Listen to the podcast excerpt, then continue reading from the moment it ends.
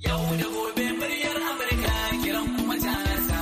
Yau da gobe muryar Amurka na kiran kuma tasa. Yau da gobe muryar Amurka na kiran kuma tasa. Yau da gobe. Daga murya Amurka a Washington DC. Masu sauraron mu Assalamu alaikum da fatan an yi hutun ƙarshen mako lafiya. Shirin yau da gobe ne kuke saurara daga nan sashen Hausa na murya Amurka a birnin Washington DC. Akan mitoci 25 da 31 da kuma 41. Ana kuma iya kama mu a birnin Yamai na jamhuriyar Nijar a VOA Africa. Kan mita 200.5 zangon FM sai kuma wasu tashoshin na zangon FM a jamhuriyar Nijar da suka hada da rediyo amfani da sarauniya da kuma niya. A can kuma sai ƙasar Ghana kuma za a iya kama mu ta Alfa Radio sannan za a iya jin mu yanar gizo a voahausa.com ko kuma sashen hausa.com. Sunana Zahra Aminu Fage. A yau litinin biyar ga watan fabrairu na shekarar 2024 shirin yau da gobe daga najeriya ne tare da wakiliyarmu rukayya basha inda a yau shirin namu zai tattauna akan yadda kafar sada zumunta take taka muhimmiyar rawa a cikin rayuwar al'umma musamman ma ga matasa. Baya ga haka kuma za mu leƙa filin girke-girkenmu sai a gyara zama a kasance tare da shirin yau da gobe.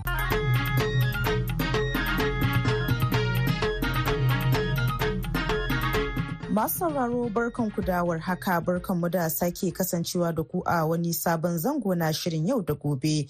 Shirin da ke zo muku daga sashen Hausa na muryar Amurka da ke a birnin Washington DC. Sunana Rukayya Basha da zan gabatar da shirin yau da gobe na wannan rana. Toma Dalla.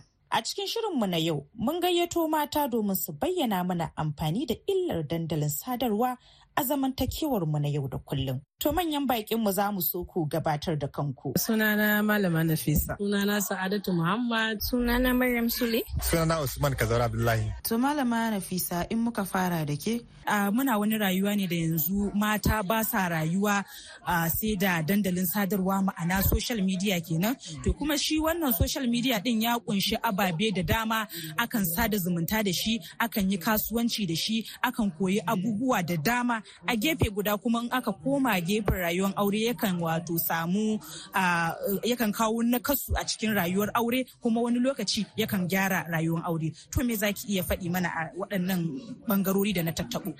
to assalamu alaikum rahmatullahi ta'ala barakatu to abin da dai zan ce akan social media of course social media ya zama kaman wani wani ɓangare na cikin rayuwarmu muna yin kaman rayuwa in the literal way ba za a taba yi dai rayuwa babu social media ba misali.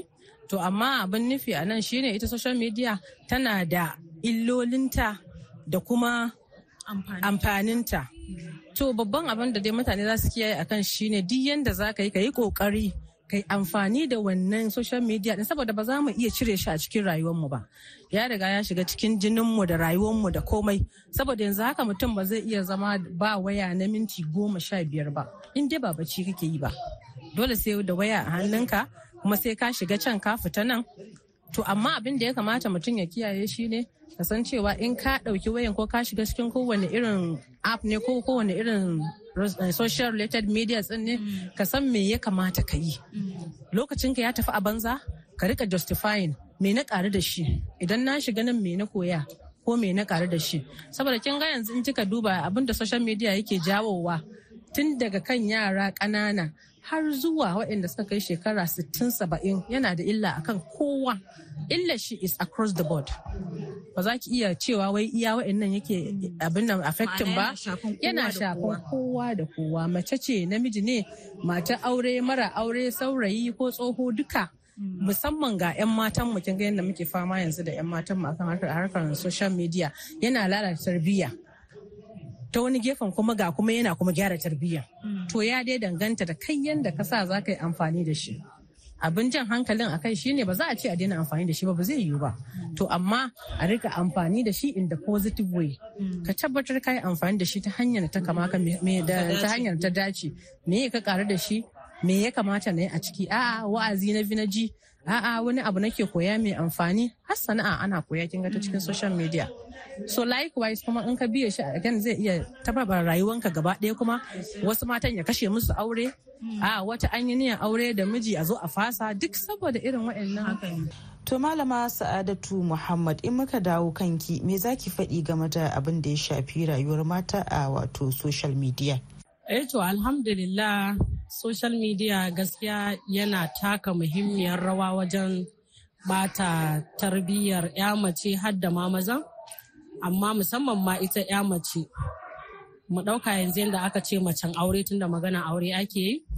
Idan za ki yi wannan social media din ya kamata a ce ki tabbatar ke cewa matan aure ce. Duk abubuwan da za ki yi da sauransu wajen mu'amala haka da maza da ba muharramin ki ba ya kamata ka yi taka tsantsan saboda kare ma mutuncinka da mutuncin iyayenka da kuma 'ya'yanka nan gaba in kana da su ko kuma in za ka yi su nan gaba. Haka kuma kazalika shi ma ɗa namiji. Akwai wani abin da muke cewa duk abin da ɗa namiji ya yi wai ado ne. Akan ya mace. To ni a zahirin gaskiya ina ganin babu wani ko a shari'an musulunci babu wani abin da aka ce haramun ne ga ya mace kuma a ce halal ne ga ɗa namiji. Duk abin da mace za ta yi ya mata illa namiji shi ma zai masa illa. Kamar yadda ita ma idan ta yi zai mata illa ya tafi har zuwa jikokinta da 'ya'yayanta haka shi ma kazalika zai iya tafiya har ya taɓa mishi jikokin shi da 'ya'yayan shi. Muna ganin irin abubuwan da suke faruwa kamar a social media irin dai irin abubuwa na alfasha haka da sauransu kuma ya kamata duk abin da za ka yi ka tabbatar da cewa ko me za ka yi lallai fa sai Allah ya tambaye ka wannan abin da kake yi. Akwai mata da dama musamman ma 'yan mata wanda ba su da aure da suke yin abubuwa da bai kamata ba a dandalin sadarwa kamar irin su TikTok. Su kuma fa me za ki iya cewa game da irin waɗannan matan? To alhamdulillah mata wanda suke irin waɗannan abubuwa wanda bai dace ba su ji tsoron Allah su sani cewa ko da ɗan iska ne baya son 'yar iska 'yar uwarsa. Sannan duk abin da kike yi yanzu duniya an daina kiwon dabba mutum ake kiwo. Ba za ki san wannan abin zai miki illa ba sai nan gaba. Wata so nawa an sha a sa ranar aure ma sanadiyar haka a fasa. An sha a yi abubuwa na alkhairi za su zo su same ki sai a ce wance ai idan kai kaza kaza kaza ba za ka sai ki ga abu ya dawo ya lalace. Saboda haka ina kira da su ji tsoron Allah kuma su kare mutuncin da darajar gidan da suka fito da kuma 'ya'yayensu nan gaba. Saboda ɗanka ba zai alfahari da kai ba matukan kana aikata wani abu na alfasha. Ki san cewa da ki zama uwa nan gaba kuma mai ba da tarbiyya. To in baki zama mai tarbiyya ba ba inda za a yi ki ba da tarbiyya. To su gefen maza kuma fa? Eh su ma gefen maza su ji tsoron Allah. Kar ka ɗauka kamar misali da kika ce TikTok za ki samu maza za su zo su hau su buɗe live suna zancen batsa da mata saboda shi yana ganin ai shi namiji ne. To kai ma ka ji tsoron Allah ni a nawa. Yanda aka ce mace ba za ta iya namiji ba zai iya fasa auren mace saboda dan iska. Haka kazalika mace ma za ta iya in mai daraja ce kamar ni ba zan iya baka ɗana in ba na tsatsi ba ne kai ma.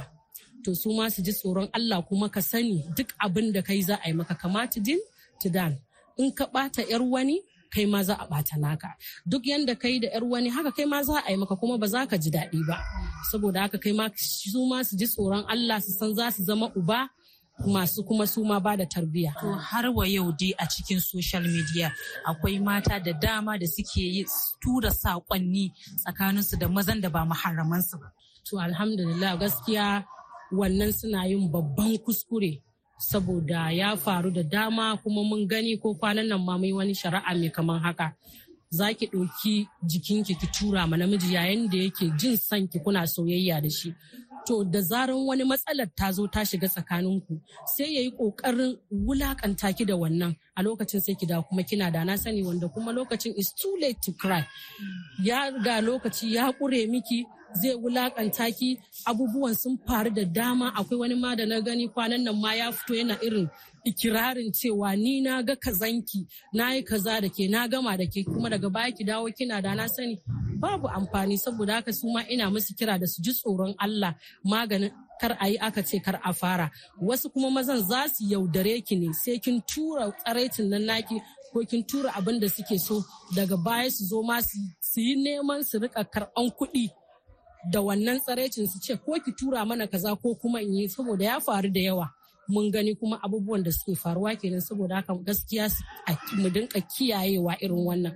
Kar zafin so yanayin son da kike namiji ya sa kike ki riƙa irin waɗannan ayyukan da na sani. Don muka koma gefen su kuma maza din za ki ga akwai maza da dama wanda suka ba wa social media muhimmanci wanda hakan ya sa ba sa ba wa matansu wato lokaci kenan a gida.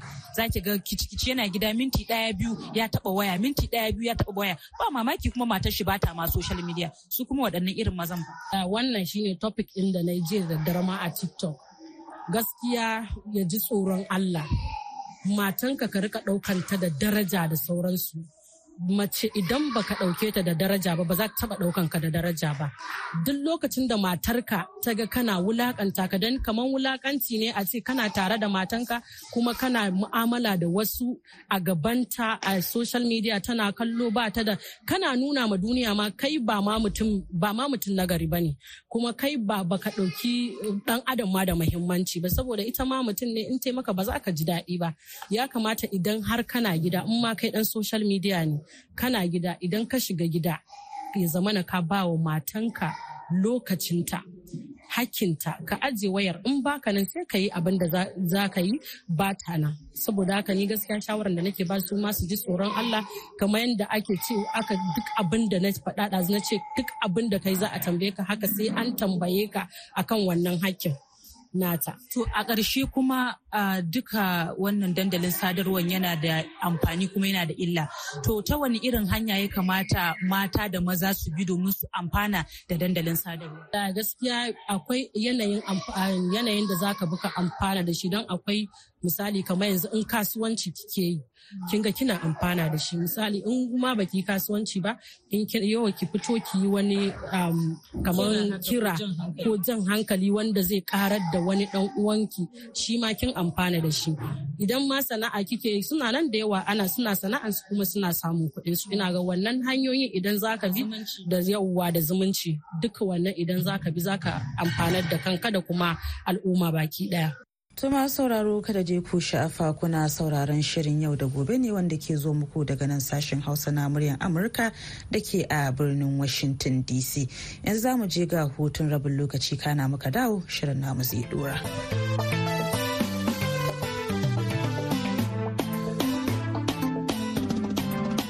Gidan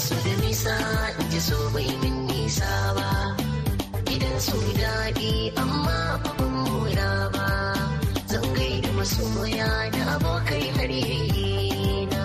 Garin su nisa da so bai ma nisa ba. Gidan su daɗi Mahmudu bai mora ba. Jika bai da abokai da masoya sun harana. Assalamu alaikum na dako babban sabo. Wa alaika salamu sai gaisuwar kukumi. Yau ce zan je hannu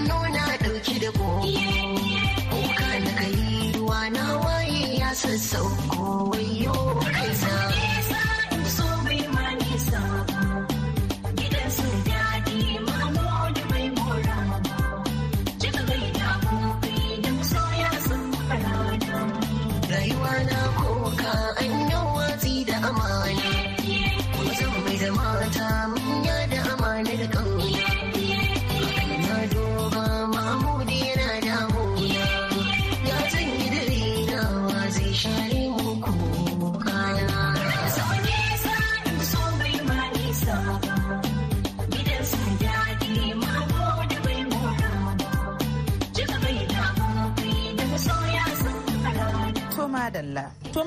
Usman Kazaure Abdullahi in muka dawo kanka.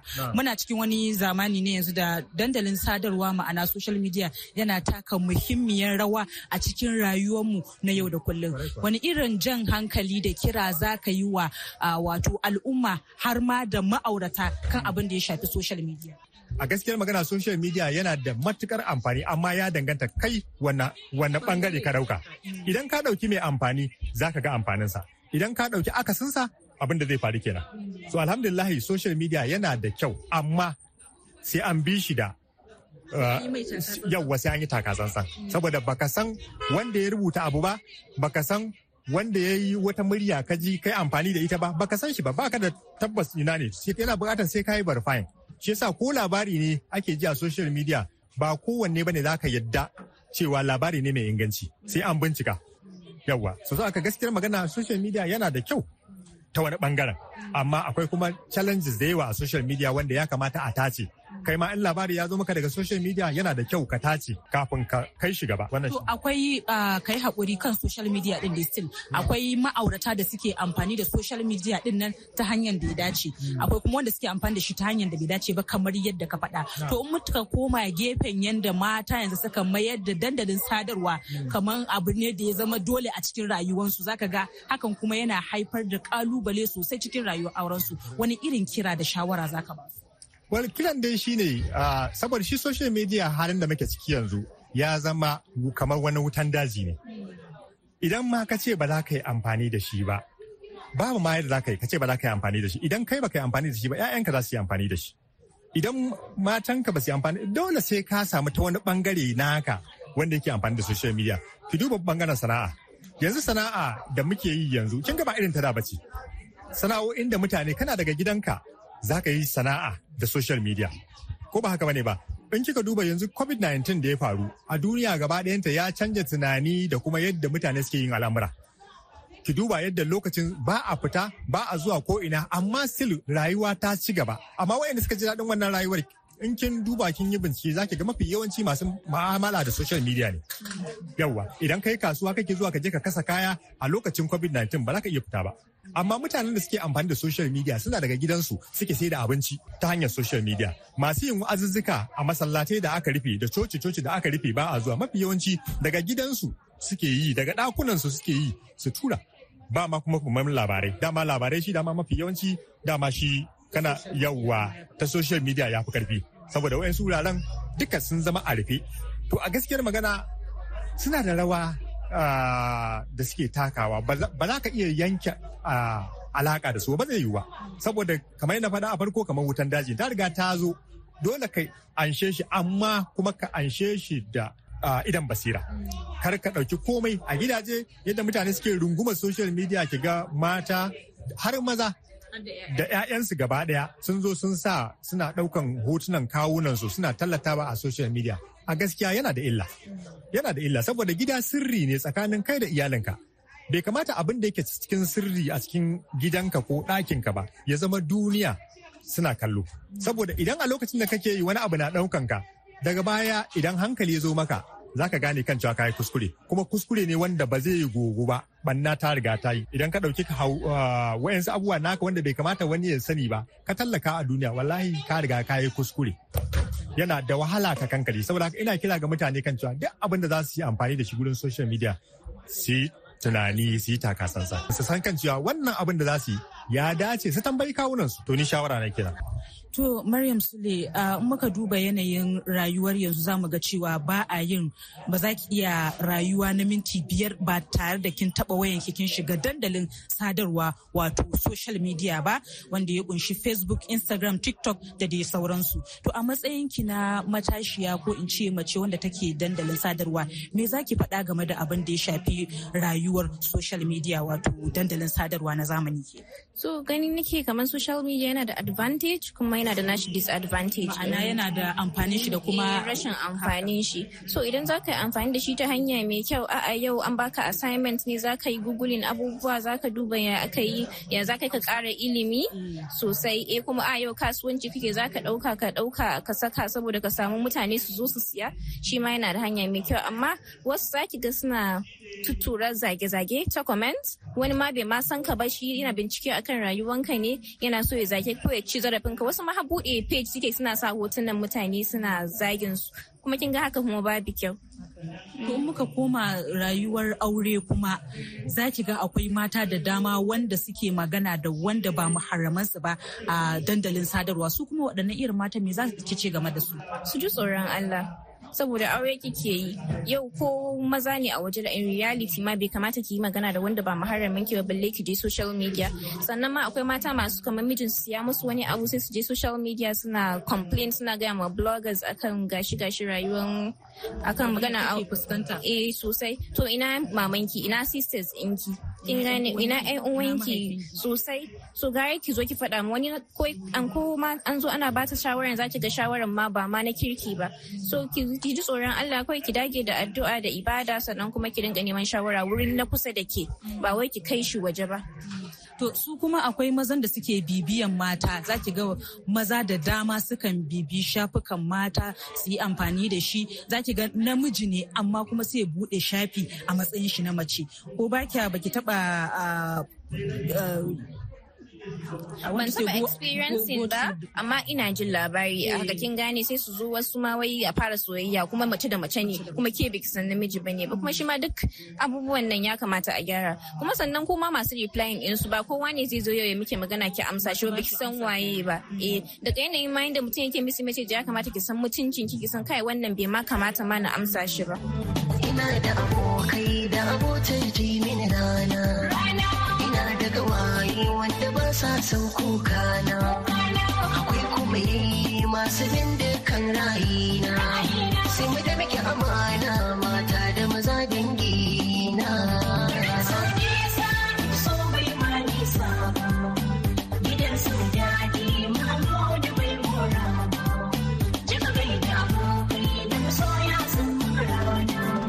Sadi ɗan siri. Yaya na kai maka. Muhammad. Madan Sirfasin. Yaya na kai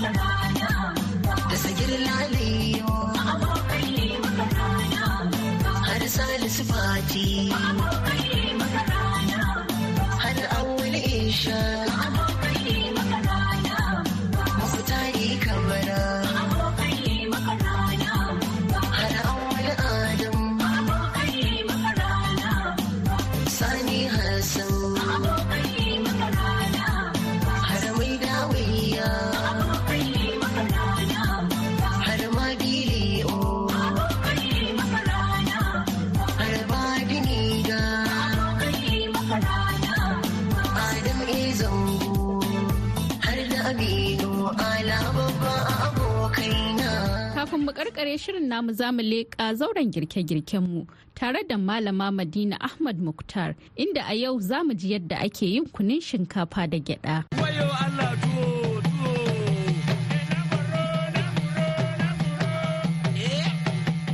masu sauraro yanzu kuma muka dawo gefen kwalama muna tare da babban bakonmu inda a yau za mu taɓo abin da ya shafi wato nau'ikan kalan kunu da ake da shi. Kamar yadda dai a uwar gida a gida ta sani ta san cewa akwai nau'ikan kunu kala-kala. Akwai kunun zaki akwai kunun aya akwai kunun gyada akwai kunun shinkafa akwai kunun tsamiya akwai ma har kunun acca da ma kunun garin saman bita da dai sauran nau'ikan kunun da muka sani. To amma kuma ba mu san wani kalan nau'in kunu wato bakuwar mu a yau za ta yi mana ba amma kafin mu je nan bakuwar mu a yau ya sunanki Sunana Malama Madina Ahmad Mukhtar. To malama Madina gashi dai kin ga yanda na jira miki nau'ikan kunun da muke da shi kamar wani irin nau'in kunu zaki mana a yau. Ito za mu yi kunin shinkafa yau, kunin shinkafa da gyada. Shi za mu yi yau, insha Allah. To kamar yanzu idan mutum zai yi wannan nau'in kunun da me da me yake buƙata. Gaskiya muna bukatan farar shinkafa wanda aka fi amfani da shi wajen yin tuwon shinkafa.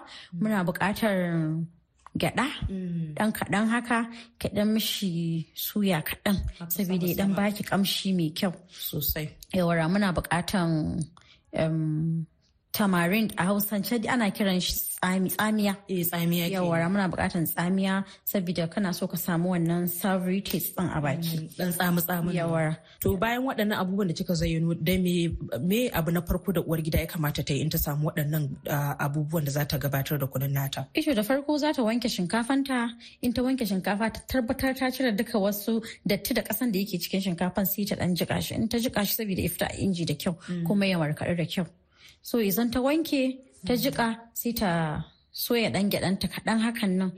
Idan ta soya sai ta hada da gyaɗan nan da shinkafa sai ta kai a markaɗa mata. In kuma tana so ta ji ɗan kamshi kamshi za ta iya sa jinja yawwa za ta iya sa ta citta a ciki. Da ɗan kanamfari kaɗan. Kar ya wuce irin ƙwaya biyu zuwa uku don ya- yakan sa shi baki so kar don kar ya ma sa shi baki gun mata ma ta sa ko ƙwara biyu hakan nan zai isa. Haka. sai ta kai a markaɗe mata. In ta kai aka markaɗe mata ta zo ta samu sif wato abin tata kenan.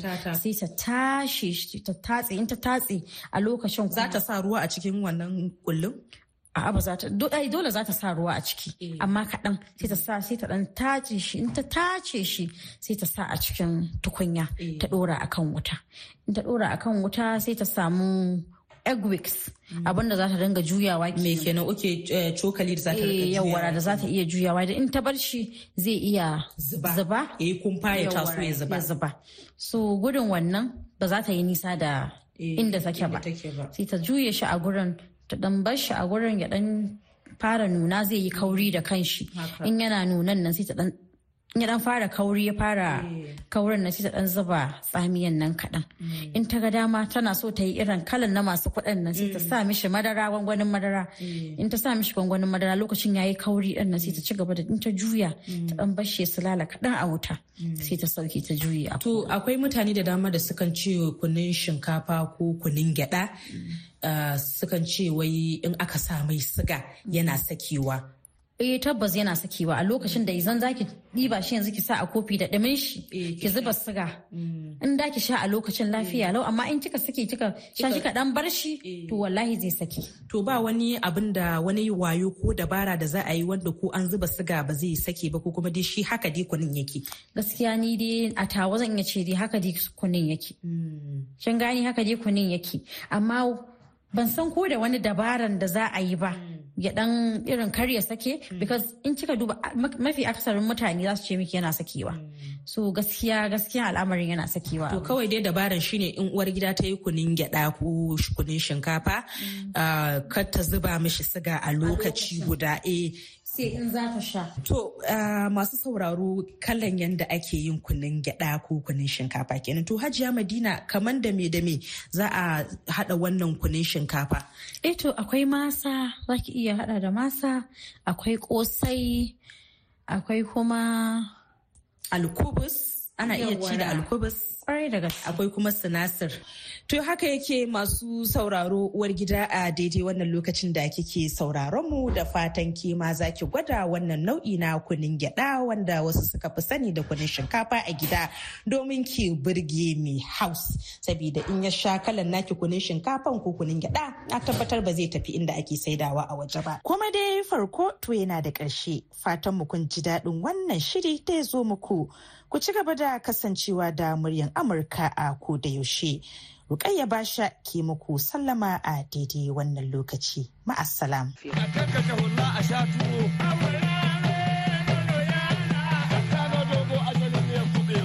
Masu sauraro da haka muka kawo ƙarshen shirin a wannan lokaci. A madadin waɗanda kuka ji miliyoyinsu musamman ma wakiliyarmu a Najeriya wato Rukayya Basha da wadda ta daidaita mana sauti Julie Leathers Gresham da dukkanin abokanan aiki da suka ba da gudunmawa a cikin wannan shirin. Ni Zahra Aminu Fage daga nan birnin Washington DC nake sallama da ku, ku huta lafiya. Yau da